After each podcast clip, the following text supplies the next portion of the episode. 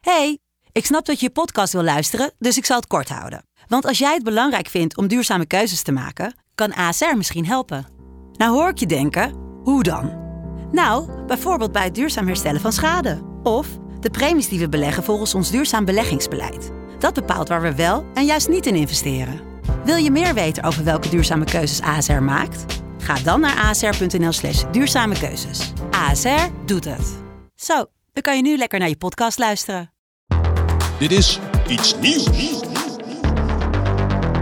Bom dia. Buen dias. Maar bom dia. Dat is een bom met een driepoot, hè? Bomdag. Betekent goeiedag. René de Leeuwes. Ja. Con Massimo de Homen de Curaçao. Kom je uit Curaçao? Nee, Curaçao is hard. Oh. Dat wist ik eigenlijk ook niet. Het Curaçao betekent gewoon hard. Hartje. Wat maak je allemaal mee in Portugal? Nou, het is, het is echt prachtig Portugal. Ik ben naar het strand geweest, Capo di Roca.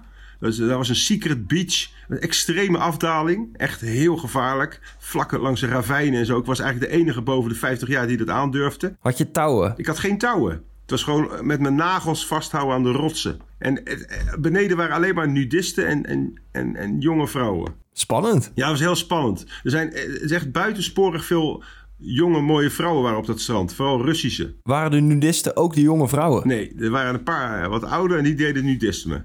De jonge mensen vonden dat toch een beetje te ver gaan. En jij? Ik heb ook gewoon eh, mijn broekje aangehouden.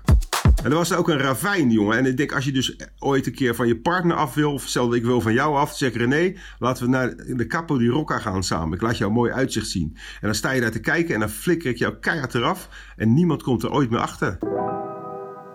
Ik heb Johan Flemings eh, bereid gevonden om een voicemail in te spreken. Ach, nee, eh. Nou, René en Maxime, ik zal jullie eens even haarfijn uitleggen wat er zo prachtig is aan Prinsjesdag. Het is zo leuk om met z'n allen daar te staan. En als ze na uren wachten eindelijk die koets er aankomt, ja, dan zien ze ons. Ze staan en zeggen, hé, hey, kijk, daar staan ze weer. En dat is gewoon zo leuk. Het sfeertje van de mensen die er staan, maar ook de reactie van de koninklijke familie. Je moet gewoon eens een keer meegaan en gewoon eens een keer ervaren wat het is. Hey, die man is natuurlijk een volslagen idioot... Hij is een beetje de Dries Roelvink, maar dan van de Oranje Gekkies. Maar, maar wat er wel leuk aan is, hij is wel positief. Hij heeft wel een positieve energie. Ik bedoel, die kan lullen wat je wil, maar hij is wel altijd, altijd blij en gelukkig. Er werd ook gedemonstreerd, omgekeerde vlaggen en een hoop boegeroep. Want Het is wel echt een andere balkonscène dan we kennen. Want ik hoor hier echt ook heel luid boelgeroep.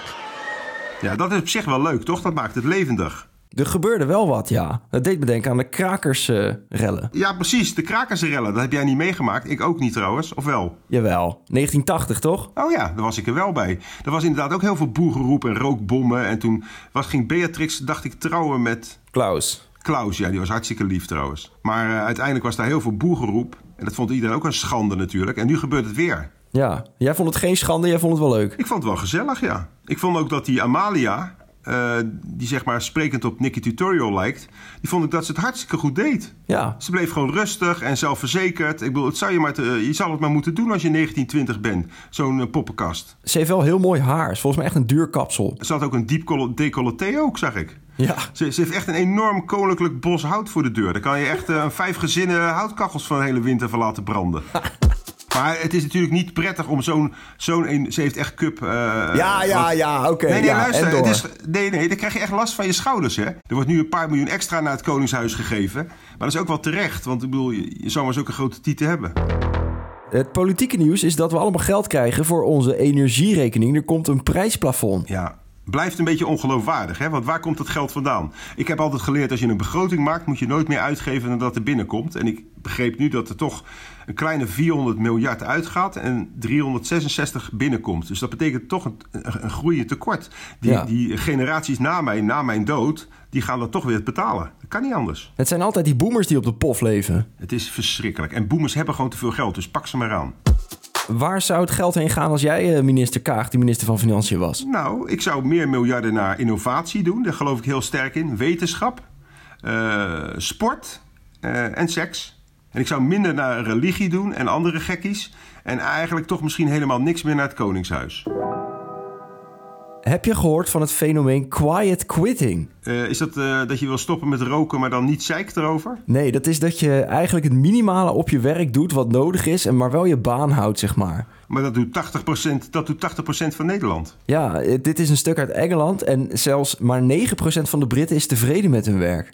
Ja, maar dat is daar ook heel erg. Want ik vraag me ook vaak af, waarom zou je in godsnaam 40 uur per week... plus eh, heen en weer reizen van huis naar werk... verkwanselen voor een lullig loontje in loondienst? Ja. Ik heb het zelf ook gedaan, maar toen was ik 15. Ik moest werken van mijn ouders hè, om een vakantiebaantje. Ging ik bij de macro werken. Ken je dat, de macro? Ja, dat is een soort eh sligo. Ja, een soort groothandel. En die- en die verkocht ook meubels. En toen mocht ik eh, de meubels in elkaar zetten. Dus de, de, de showroom modellen. Ja. En, daar was ik, en eh, ze hadden niet eens gereedschap daar. Dus zei ik, van, ik ga wel even gereedschap zoeken.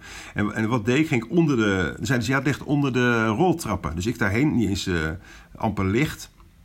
Dan ging ik daar binnen en dan deed ik gewoon de deur dicht. En dan bleef ik daar gewoon 2,5, 3 uur zoeken naar gereedschap zogenaamd. In het donker. Om maar niet te hoeven werken. Dus over quiet quitting genomen. Hier zit er een. En hoe sneu ben je dan? Maar wat deed je dan in die twee, drie uur? Gewoon niks. Ik dacht, alles is beter dan het kutwerk. Slapen. Nee, gewoon wachten tot de tijd voorbij was. Veel mensen gaan ook heel lang scheiden op hun werk. Mijn ouders vroegen dan, en hoe was het op je werk? Heel positief, zei ik. Als ik dit nog een week moet doen, dan ga ik iemand vermoorden. Toen zeiden ze, ja jongen, r- wen er maar aan, zo is het leven. Ik zei, nou, mooi niet. Ik zeg, a- als dit het leven is, dan word ik of crimineel... o- of ik ga iets anders doen. Maar ik ga niet dit soort werk doen. En ik heb het ook nooit meer gedaan. Er zijn 20 biljard mieren op aarde, blijkt uit nieuw wetenschappelijk Het onderzoek. was een nieuwe telling, hè René? Ja. Hoe hebben ze dat geteld? Vertel even. ja, het was een heel groot telraam. Nee, maar serieus, hoe kan je nou weten hoeveel mieren er zijn op de aarde? Nee, het is, het is echt zo'n meta-onderzoek. Dus ze hebben op 450 andere studies gekeken en 1300 locaties tellingen over de hele wereld gehad. Meta-onderzoek of meta? Meta? Nee, het is meta. Meta is met twee T's, vriend.